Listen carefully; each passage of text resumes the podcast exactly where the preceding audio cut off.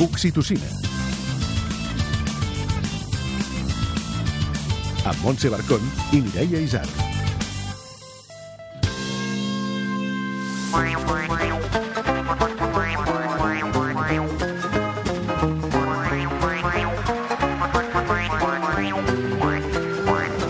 Dels nostres fills el regalet que deixarà el bolquer.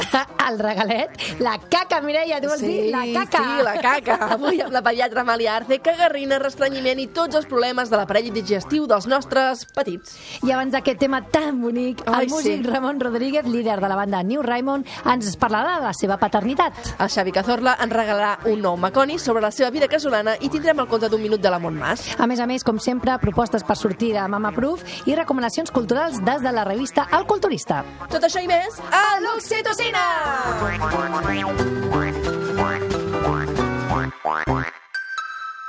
Tu, tots, tothom.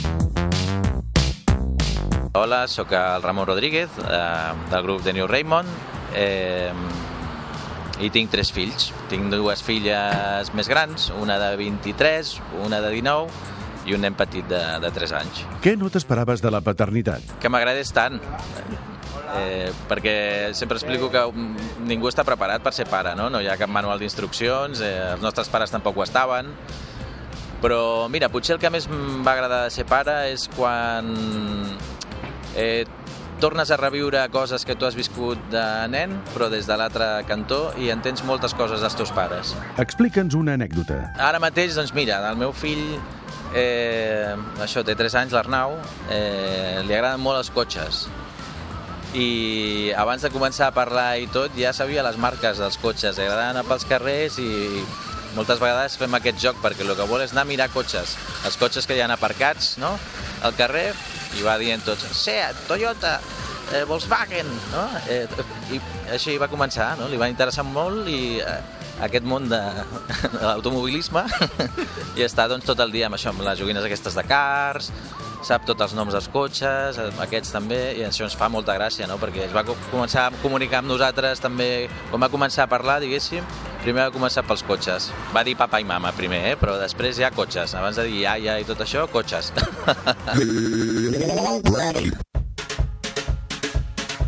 Manual d'instruccions.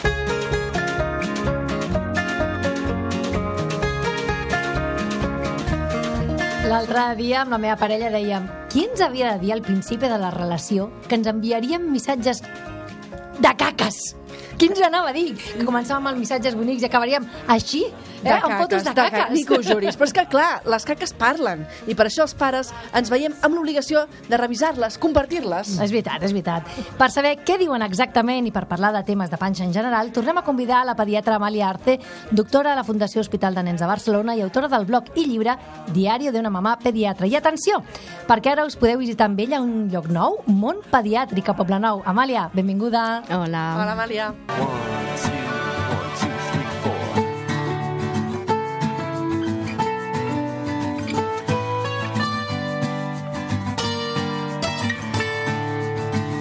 Amàlia, explica'ns aquest projecte nou que has engegat.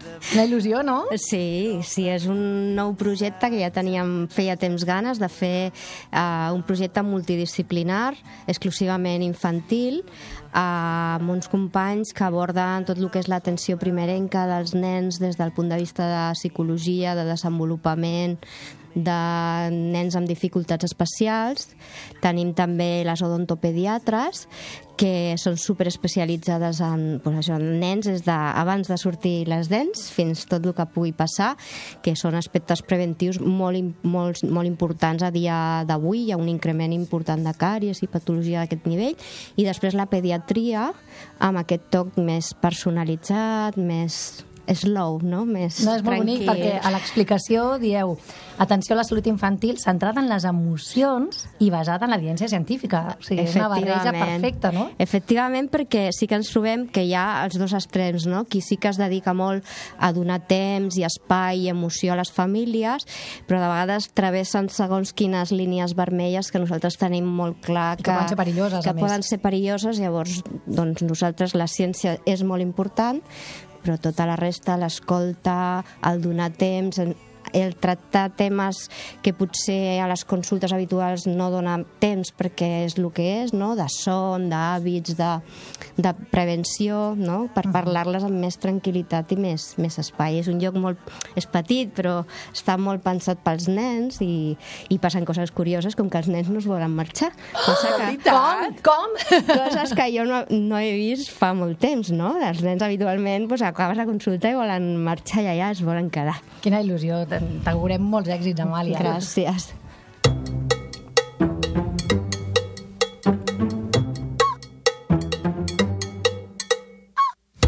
Amàlia, anem al tema. Volem saber per què és tan important mirar les caques.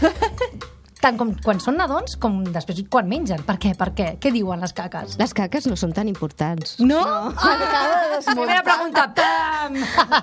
Les caques són caques, és a dir, és un, una qüestió fisiològica, no? O sigui, el menjar entra i les restes han de sortir, llavors les caques hem de donar la importància que tenen, no? O sigui, han d'estar presents, òbviament, hem de fer caca, i si no hi ha una història que no surti de lo normal en color, en freqüència, amb mals de panxa o coses acompanyants, en principi tampoc hem d'anar mirant sempre les caques. Doncs mira, t'explico una cosa. A la meva escola Bressol, les famílies estem desesperades perquè hi ha una pissarra on ens apunten com són les deposicions, no? I molts dies, durant setmanes senceres, posa desfeta, desfeta, desfeta, desfeta. La meitat dels nens, no? I nosaltres volem, pensem, és normal això? Estem tots pel el grup de WhatsApp, això és normal, tata desfeta, tu tova, no tova, aquest dur... I quan posa desfeta, desfeta, desfeta, ens agafa com una aquest, angoixa, aquest programa eh? no serà apte per segons quin moment del dia, eh? No. La realitat és que hi ha persones que no tenen cap problema i tenen una consistència a les fentes una miqueta més, més tova. I això no vol dir que siguin diarrees o que sigui un problema. És a dir, de vegades és el seu ritme de posicional. També depèn de qui valora, no? -hmm. perquè segons qui, quina costum tinguis i quina femta tinguis costum de veure, una et semblarà desfeta, una altra no.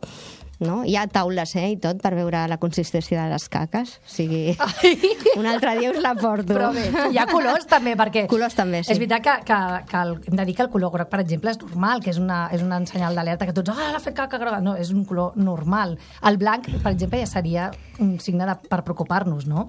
Al final tu el que has de fer és, tu vas mirant les caques, no?, i de vegades et trobes una estranya mm, d'un color que no toca i dius, això què és? Llavors t'has d'esperar la següent. Clar. Si torna a ser estranya, llavors consulta. Molt bé. Però si és una aïllada d'un color, una consistència estranya, i, doncs, bueno, no passa res. És per alguna cosa que ha menjat que no havia Algú que menjat, menjat mai. o un trànsit més ràpid o més lent de l'habitual mm, no? habitualment és doncs, veure què passa després i sobretot coses, ac- signes i símptomes acompanyants no només la femta no?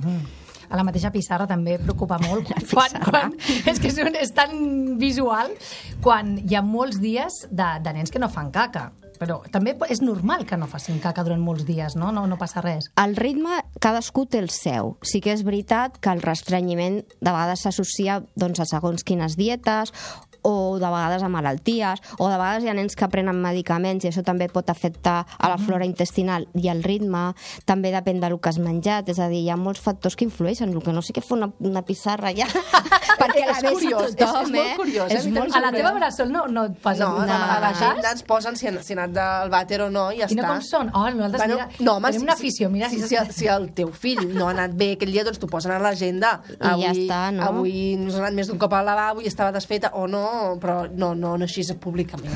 Ah, sí, sí, a nosaltres ens encanta. Pobra eh? intimitat, no, el, dels el, nens. el restrenyiment deies que pot ser per, un- per un canvi de dieta, per algun medicament. A vegades també pot ser, per exemple, en l'època de treure els bolquers, no? En aquest moment hi ha problemes. Efectivament, és una època crítica perquè el tema del control d'esfínters, clar, tenim que controlar el pipi i la caca, però són mecanismes diferents. O sigui, el, el pipí arriba un moment que si no estàs per fer-lo te'l fas a sobre, perquè ja no hi cap més.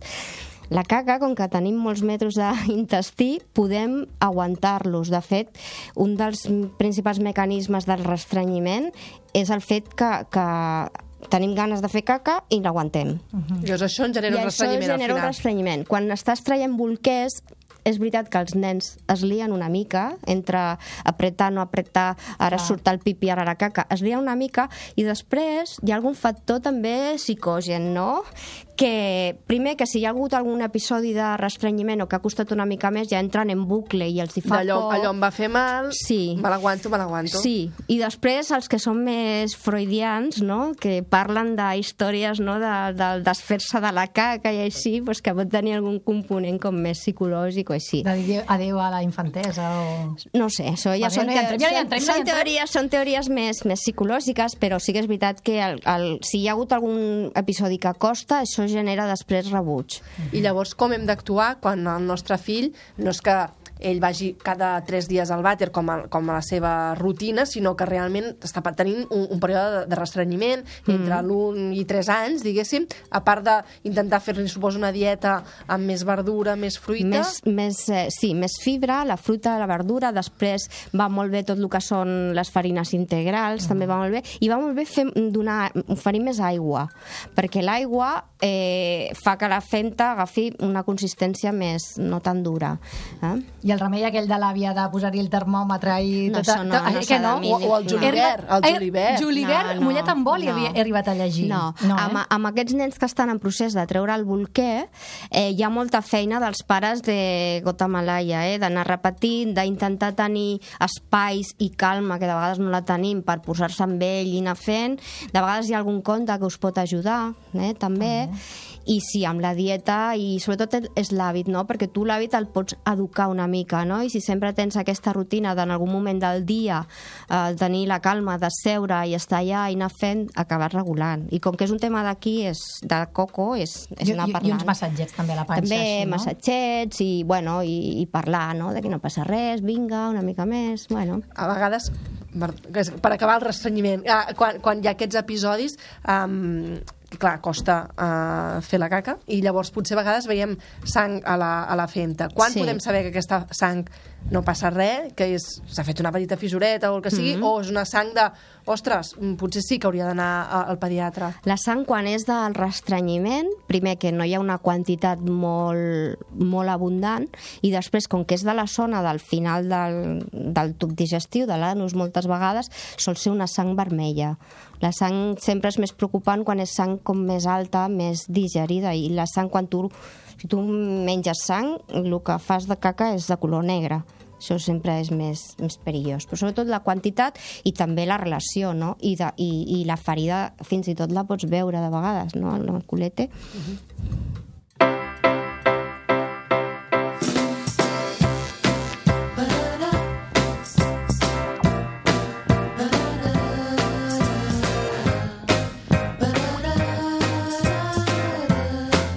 Entrem a parlar de la gastroenteritis en si, que no D'una és una... a l'altra, vinga.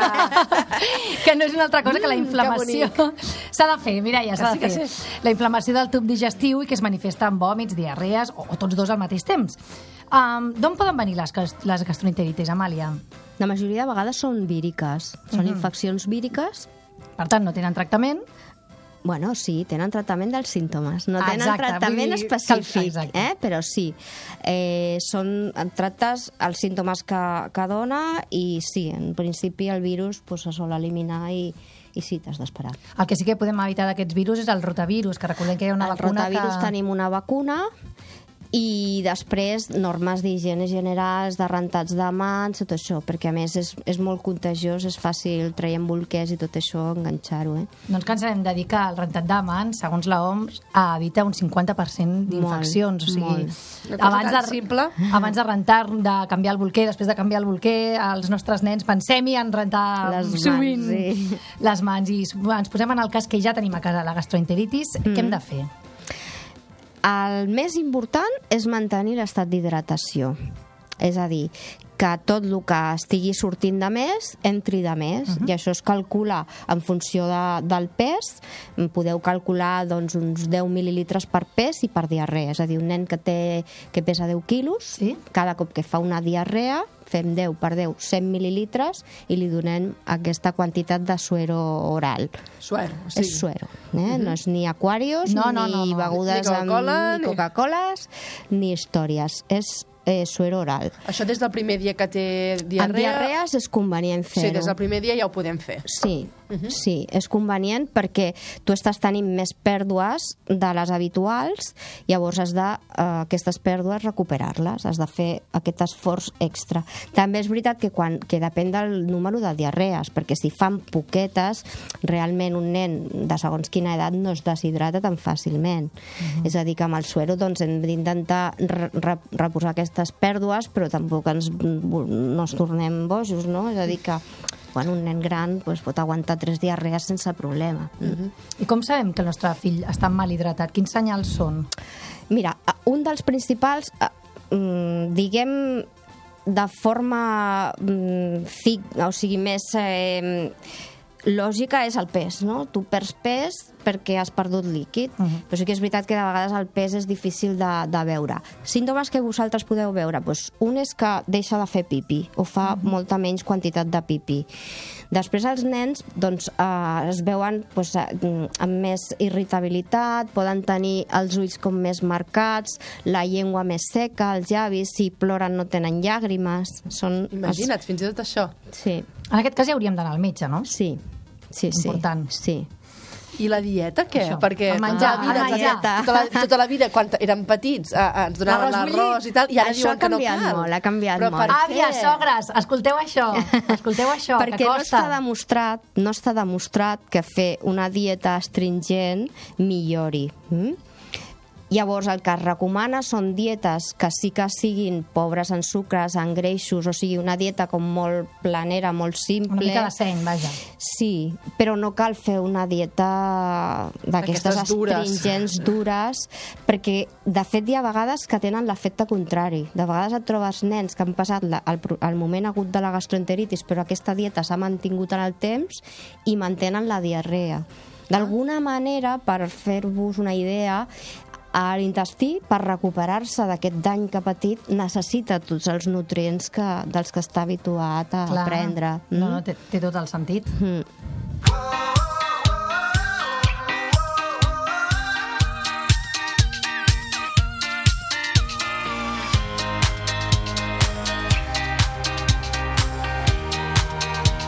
En quin cas hem de tallar el símptoma, allò que deies, o no s'ha de fer mai això? Sigui, el nen vomita, vomita, vomita, vomita, i és una cosa que ens comença a preocupar, o hem de deixar que surti tot? Com, o...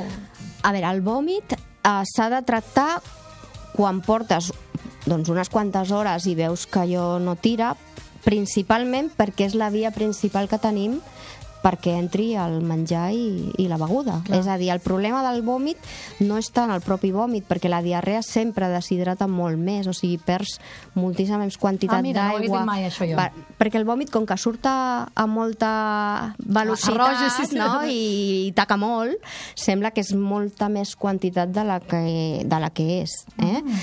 El vòmit deshidrata molt menys, però com menys de la meitat que la, que la diarrea, però sí que és veritat que amb el vòmit perds la forma principal de- d'alimentar-te i de beure, que és la boca, no? Clar, llavors només perds. Clar, només perds. I a més, clar, sense menjar ni beure, arriba un moment que el sucre també està baix i llavors metabòlicament entres en una situació que predisposa a mantenir aquest vòmit també, no?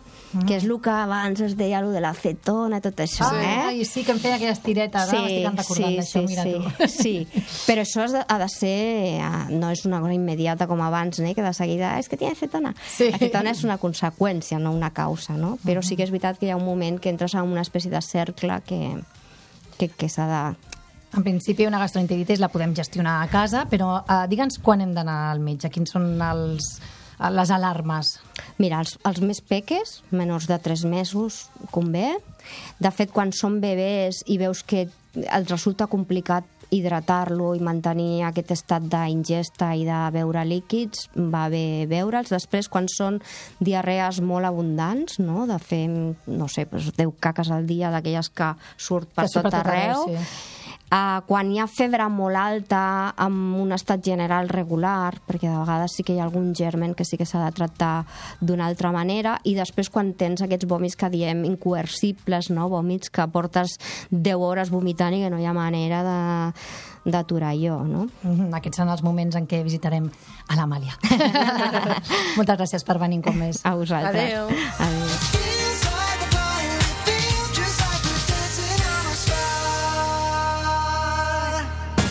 Coni. Home, per fi a l'oxitocina toqueu un dels temes que interessen de veritat als catalans, home, la caca. A mi personalment és un tema que m'agrada molt, però és que quan ets pare d'una criatura, el hobby passa a ser una obligació, perquè has d'estar més pendent de la caca que del teu propi fill, pròpiament.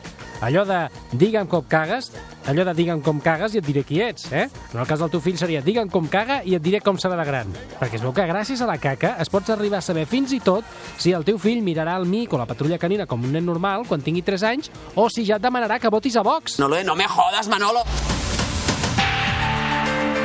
Això de la caca és una pressió constant imposada per tothom des del primer minut només néixer. Dels primers inputs que reps és estigueu molt pendents de la caca, eh? I així passes els primers dies d'hospital, amb una mà vas saludar a la gent que et venen a veure i amb l'altra vas obrint el bolquer així una mica de costat per visualitzar si hi ha maconi o no. I van passant els dies igual.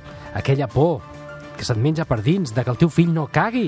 Perquè aquest és un dels capítols que més torturen els pares de tots els que passareu a la vostra vida, molt per sobre de quan comencin a fumar o el veieu en moto sense casc. El restrenyiment del vostre fill. ¡Por Dios,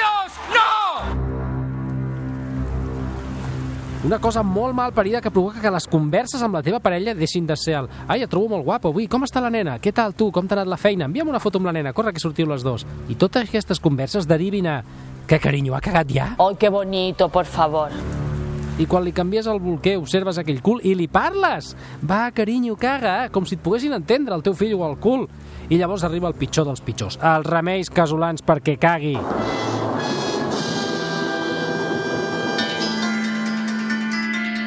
Aquell, fes-li massatges a la zona del ventre. Que tu sí que els fas, sí, però els fas superfuixet perquè penses que deu haver-hi una acumulació de merda allà que, que supera tot el que està previst i com a apretis un més mínim fotrà un estocat venecià nou. No, canvia-li la dieta. Sí, clar, com si el meu fill mengés fast food, però que només té dos mesos, home. Fica-li un termòmetre a l'ojete amb una mica d'oli i caga segur. A veure una cosa, jo no entro a valorar la qualitat del remei, eh? però quan dieu fica-li una mica un termòmetre a l'ojete, quan és una mica? Això és com a la cuina quan fas reposteria. Aquí les quantitats són importants. Podeu donar-me mides? Quina és la quantitat? Quan és una mica? Mig mil·límetre? Dos mil·límetres? 35 mil·límetres? La meva filla va arribar a estar-se 10 dies. 10 dies sense cagar, pobreta. 10 dies obrint cada puto bolquer com quan tenia 3 anys i obria el regal el dia dels Reis esperant trobar aquell escalèstric i 10 dies seguits emportant-me una decepció perquè no hi havia caca, no hi havia l'escalèstric. Allà només hi havia pipí. Acabes odiant el pipí perquè el pipí vol destacar per sobre de la desgràcia de la caca perquè el pipí sap que surt més fàcilment. Per sort això és una època i després doncs, es fan grans i si et molestava la caca de petits, aquella fastigosa que se surt per tot arreu, que et passes més temps fregant bodis plens de caca que han escampat del bolquer i li han arribat al teu fill fins al coll, passes més temps fent això que amb el teu fill en braços. Espera't quan tinguin dos anys i caguin com un nen, un nen normal que menja macarrons, pollastre i puré en un bolquer. És com si tu caguessis. És caca d'adult dins un bolquer. Uns tronxos que sí que són guapos de veure. Però falta el moment més màgic, eh? el de treure-li el bolquer definitivament al teu fill.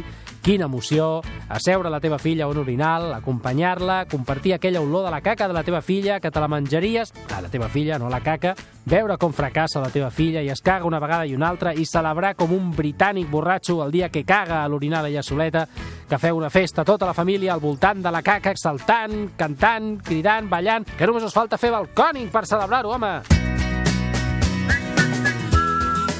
Però sí, amics, aquest és el missatge. És important la caca, i molt maco, perquè la caca uneix, augmenta el vincle pare-mare, fill o filla. Quina cosa pot unir més que seure a terra en pijama, mitjobat, agafant de la mà aquella maneta de la teva filla de dos anys mentre fa l'esforç titànic d'apretar perquè li surti un zorollet? I ella et mira amb aquella cara de ho estic intentant, papi, vull que estiguis orgullosa de mi. Se m'està nul·lant la vista de l'esforç. No, papi, no marxis, encara no. Poques coses et fan sentir més orgullós com a pare que veure que el teu fill caga bé. Marc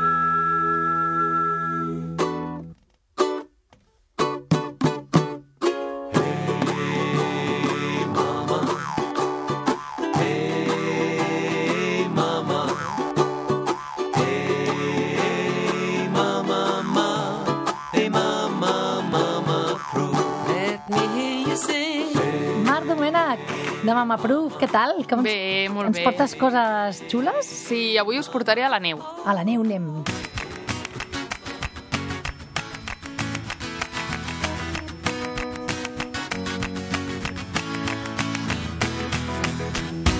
A la neu així en genèric o alguna neu en concret? No, us portaré a l'estació d'esquí de, d'esquí de La Molina. De la Molina. Endavant. Sí, sí. Eh, bueno, de fet, no sé si sabeu que dins de Mama Proof, a Escapades, tenim una secció que es diu Nieve para Todos. Ah, Ah, aquesta no l'he remenat, mira que la remeno, eh, està la molt bé, web. està molt bé. I, de fet, hi trobareu les millors estacions de, del nostre Pirineu, però també és cert que en moltes d'elles hi podem anar a l'hivern, però també a l'estiu a fer una excursioneta. I avui ens centrarem doncs, amb el Pirineu Oriental, a la província de Girona. En aquest cas, eh, la Mavi, que és eh, la CEO de Mama Proof, eh, va poder tastar i aprovar la- l'estació de la Molina. Aquí tenen activitats per als més petits, amb un jardí de neu, uh, que hi tenen una ludoteca, amb un programa d'animació propi, Toma. i a més a més està adaptat perquè els petits petits puguin començar a iniciar-se en el món de l'esquí. Ara ets molt petits, eh, que els veus Molt ja. petits, sí, sí, sí, sorprèn. sí, sí. Bueno, és, és qüestió, jo crec que és qüestió d'equilibri. Les tarifes dels forfers familiars estan molt bé de, de preu. Hi ha descomptes per a nens i júnior fins a 25 anys. I els packs Ja no ho combinats... som, ja no ho som, ha- no. Sí, i els packs eh, combinats, i, bueno, hi ha packs combinats i altres ofertes eh, perquè tothom pugui acabar gaudint de la neu. Uh, però si no ens agrada esquiar també hi ha una altra opció. De fet, la Mavi va provar el Telecabina Alp 2500, que et puja fins a, al cim de, de la muntanya. També va provar el tubing, que és com un tobogan que et pots llançar amb un flotador circular, com Oh! si et llancessis en un parc aquàtic, però per la neu. Ah, això és molt xulo. Sí, i després també pots fer una excursió amb raquetes i si aneu a l'estiu jo us recomano que aneu al circuit del, del bosc del Parc Aventura. Va, Aquestes molt bé la Molina. Exacte. coses. Déu-n'hi-do, quantes coses. Una estació Moltes. molt, molt, fami molt familiar i s'agraeix, la veritat. Sí, s'agraeix. I gràcies a tu, sobretot, per fer-nos-ho saber. gràcies. Mat. Vinga, Fins la propera. adeu.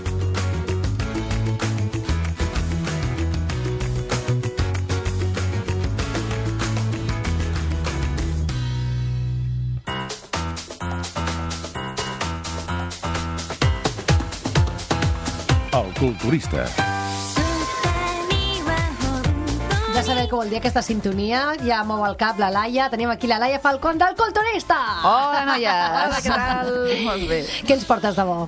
Avui us porto, si l'altre dia us parlava de- d'un lloc on veure circ, Sí? d'una companyia de circ, que és un referent del circ català, que es diuen Los Galindos. Oh, m'encanten. Explica,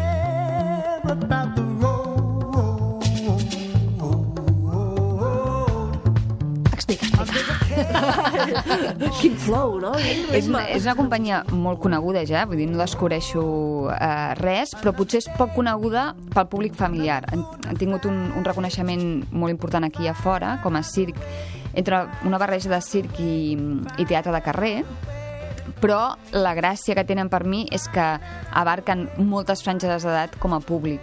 I una d'elles és justament el públic familiar o, o l'infantil. De fet, la, la companyia la formen eh, persones de 9 a 52 anys, o sigui, el circ clàssic, de que tota la família es dedica al circ, molt corporal. Eh, van obtenir el Premi Nacional de Cultura el 2016 jo els vaig conèixer, la primera vegada que vaig veure una cosa seva era amb Encara no ho sé, Lola, que, que em, va, em va encantar, em va encantar, hi havia això, tota la família participant. Que bonic, això. Sí, molt xulo. I era, és un circ d'acrobàcies, de perxa xinesa, de hula hoop. Eh, de fet, ells són els, els pioners o els precursors de, de l'ús del, del trapezi volant. Uh -huh. És, és molt espectacular. I això que és una, un circ de, de proximitat, i de proximitat De literal. format, Exacte, vull dir, van sempre amb la seva carpa, petita carpa de lona i fusta, que hi caben com a molt 100 persones. Això també està bé, no? Sí. Aquesta, Ah, sí, és, és, que sigui una dona un funció per tu. ambient molt... superacollidor i es barreja totes aquestes disciplines de circ molt ben trebades i molt ben treballades, amb humor, gesticulació, és un circ eh, dinàmic, dramatitzat, eh, bueno, van, i van amb una, i avall amb aquesta, amb aquesta carpa. L'última obra, o la- l'últim espectacle que van estrenar, que està molt bé, també el recomano, és eh, Udul. Au! Doncs apa, per seguir, busquem les Preneu nota, dates. los galindos, los galindos, seguiu-los. Gràcies, Laia. A vosaltres.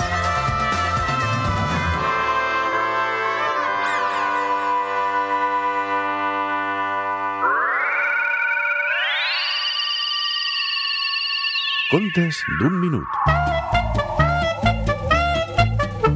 Hi havia una vegada una nena que cada nit li demanava a la seva mare que s'inventés un nou conte i així, a l'arribar al final, només així, es quedava dormida. La mare ho feia de bon grat i creava aventures extraordinàries, on hi apareixien, per exemple, sabates voladores, bicicletes amb tres rodes, uns cocodrils desentegats i fins i tot, fins i tot, fins i tot, un ànec, un ànec que no sabia volar. Cada nit, cada nit i cada any, la mare inventava un grapat d'històries. Però vet aquí que una vegada a la mare no li van sortir les paraules. I per més que buscava i buscava i buscava, no les trobava enlloc. Així que aquell vespre la mare senzillament no sabia com fer rodar aquella roda de les històries i dels contes. I la nena va tenir una bona pensada. Va capgirar la boca i les orelles i va explicar en lloc d'escoltar. I la nena va encetar un conte d'una granota que volia ballar un vals. Un vals que el va portar d'aquí cap allà fins que la mare es va dormir. Joan Faldilles i Armand, cançó de bressol per a un huracà i altres contes dormilegues. Whatsapps desesperats. Com puc superar la pena de deixar el meu fill a la guàrdia? Ell es queda tranquil, eh? Soc jo la que surto plorant. Podeu enviar els vostres missatges de veu de WhatsApp al 636 36 06 09. Work it out. I ara l'Elisabet Pedrosa, de l'Ofici d'Educar, ens ha deixat un missatge. Aquesta setmana a l'Ofici d'Educar, la sociòloga i filòsofa Marina Subirats ens ha explicat com es pot afavorir la igualtat de gènere a l'escola. La primera cosa que nosaltres diem és cal construir el que en diem la mirada violeta. Aprendre a detectar justament els estereotips. Aprendre a detectar què és el que fem malament, on hi ha discriminació, que no ho veiem perquè és normal, perquè sempre ha estat així, sempre hi ha hagut predominància dels homes, per tant ho veiem com la vida és així. Però cal que vegem que en realitat és així, però no és justa i no és convenient per moltes raons i per tant ho hem de canviar. Llavors aquí doncs, tenim tota una sèrie de mètodes perquè, per exemple, doncs, el professorat pugui analitzar un trosset d'un llibre i donar-se compte de si aquell llibre sexista o no és. Un conte que el pugui analitzar i veure quin paper està donant a les dones, quin paper està donant als homes. Uh, pugui analitzar un pati, pugui analitzar qui mana a l'escola. Eh? I llavors això com ho canviem? Un consell per acabar. Doncs que ho disfruti, perquè és una cosa que el tòpic que passa molt ràpid, però sí és veritat que passa molt ràpid, sobretot als 4 o 5 primers anys, no? que són molt intensos i anireu més cansats, no? dormireu poquet, eh, tindreu menys temps per la parella, però si aguantes després li dones la volta i també és veritat que a partir dels 5 anys també és una edat molt divertida perquè pots, pots començar a fer moltes coses eh, com anar al cinema o, no? sense que vulguin marxar i aquestes coses La dosi d'oxitocina setmanal s'acaba aquí. Si en voleu més, en trobareu al grup de Facebook, al blog del programa i al podcast.